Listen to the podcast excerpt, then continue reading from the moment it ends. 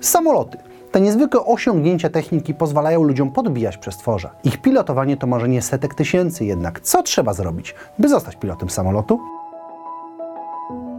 Już od ponad 100 lat ludzie podbijają niebo wznosząc się w samolotach. Te mogą być szybowcami, awionetkami, ale też potężnymi samolotami pasażerskimi czy niezwykle szybkimi myśliwcami. Najcięższy samolot na świecie, Antonov AN-225 Mria, może ważyć nawet 640 ton, a Lockheed SR-71 może poruszać się z prędkością nawet 3,5 tysiąca km na godzinę. Jednak by zasiąść ze sterami któregokolwiek z nich, musimy przejść przez pewien proces, a raczej procesy, ponieważ zostanie pilotem to kilka etapów, gdzie każdy posiada odrobinę inne wymagania, a także ograniczenia. Zacznijmy jednak od początku. Mając już 17 lat, możemy starać się o licencję PPL-A. Ta umożliwi rekreacyjne loty w dobrych warunkach. Nie będzie wolno przewozić nam odpłatnie pasażerów, a maszyna, za której sterami będziemy mogli zasiąść, ograniczona będzie do masy 5700 kg. By ją uzyskać, musimy ukończyć 100 godzin teorii i 45 godzin praktyki, a potem zdać potrzebne egzaminy. Do tego potrzebne będzie badanie lotniczo-lekarskie drugiej klasy. To umożliwi nam loty w Polsce w dzień przy dobrych warunkach. Możemy latać po Unii Europejskiej, jednak do tego potrzebna będzie licencja znajomości języka angielskiego. Całość tego procesu kosztować będzie około 30 tysięcy złotych. Oczywiście cena może wahać się w zależności od masy czynników. W Polsce możemy też uzyskać licencję LAPL-A, która umożliwi lot na jednostkach do 2000 kg, maksymalnie 4 miejsc i tylko na terenie Rzeczypospolitej. Kolejnym krokiem będzie CPL-A, licencja pilota zawodowego. Umożliwi nam loty zarobkowe na maszynach do 5,7 tony i zabierających do 9 pasażerów.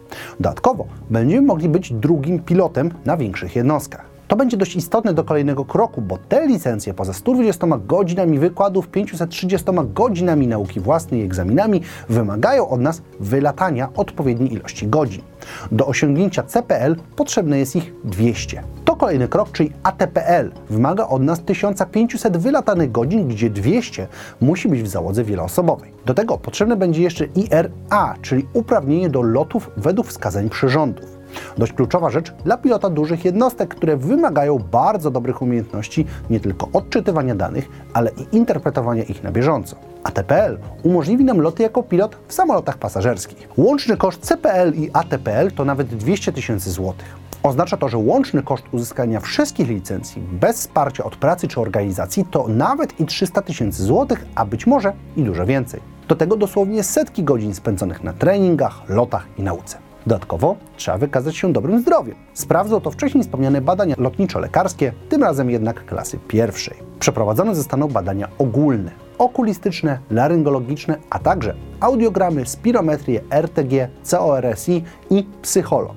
Słowem pełen pakiet. Można mieć lekką wadę wzroku, jednak do tego trzeba mieć dobry słuch, wytrzymałość, opanowanie i refleks. A do tego odpowiednio reagować na stres, wykonywać niekiedy skomplikowane obliczenia w głowie i posiadać naprawdę sporą wiedzę na temat tego, co może wydarzyć się w powietrzu. Co jednak ciekawe, wymagania, by zostać pilotem śmigłowca są niemal dokładnie takie same, tylko że zamiast CPL, PPL i ATPL z zakończeniem A trzeba zrobić te z zakończeniem H i posiadają one niemalże identyczną strukturę. Jednak te wymagania i tak są stosunkowo niewielkie w porównaniu do tego, czym musi wykazać się pilot myśliwców.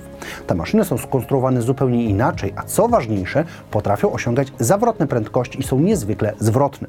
Powoduje to, że ich piloci mają niekiedy ułamki sekund na reakcję i narażani są na duże przeciążenia, które mogą nawet pozbawić przytomności. By zacząć tę trasę, trzeba jednak rozpocząć proces zostania po prostu pilotem wojskowym. Tutaj wymagania są bardzo podobne do tych cywilnych, jednak nieco rozszerzone. Kandydatów na tę pozycję bywa więcej niż miejsc, więc możliwe jest prowadzenie selekcji. Miejsca dostają osoby, które mogą pochwalić się ponadprzeciętnymi umiejętnościami i stanem zdrowia.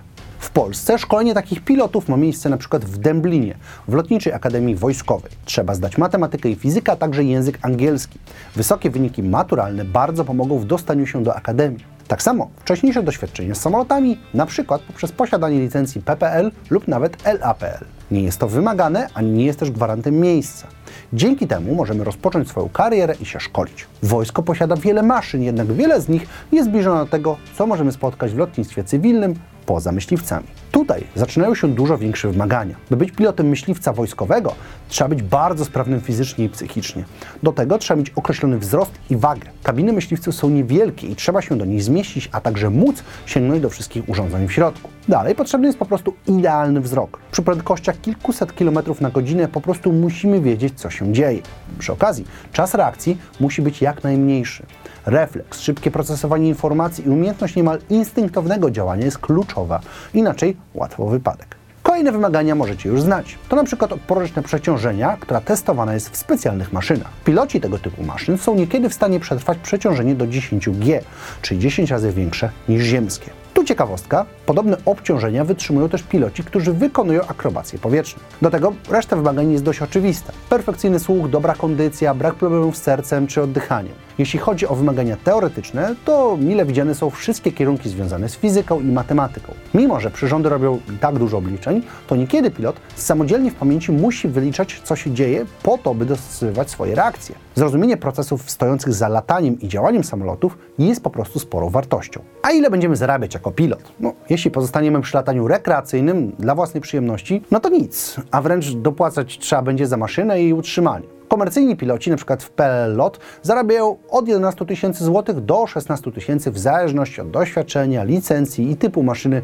na której latają. Za granicą sumy te rosną do nawet 75 tysięcy złotych miesięcznie. Zarobki pilotów wojskowych są powiązane ze stopniem wojskowym, więc taki kapitan może zarobić jako pilot nawet i 5 tysięcy złotych brutto miesięcznie. No oczywiście wystarczą awanse na, na przykład na pułkownika i dodatki, by móc zarobić już 10 tysięcy. Piloci śmigłowców również mogą liczyć na spory rozstrzał w zarobkach. Sumy te zaczynają się od nawet 3,5 tysiąca złotych miesięcznie do kilkunastu tysięcy. Piloci śmigłowców mogą bowiem pracować jako osobiści piloci dla bogatych, bądź oferować bardziej indywidualne usługi, a te są w cenie. Jeśli uda Wam się spełnić te warunki, to na dobrą sprawę możecie myśleć o karierze pilota. To niezwykłe doświadczenie, które wymaga sporej ilości pracy, wyrzeczenia także nakładów finansowych, jednak wielu powie Wam, że jest to tego warte. I mam nadzieję, że ten odcinek odpowiedział na Wasze pytania i być może zainteresował kogoś karierą w lotnictwie, a może ktoś już ją ma i sam podzieli się ze swoimi doświadczeniami w komentarzu. Na dzisiaj to wszystko. Mam nadzieję, że widzimy się w każdy piątek. Trzymajcie się ciepło. Cześć!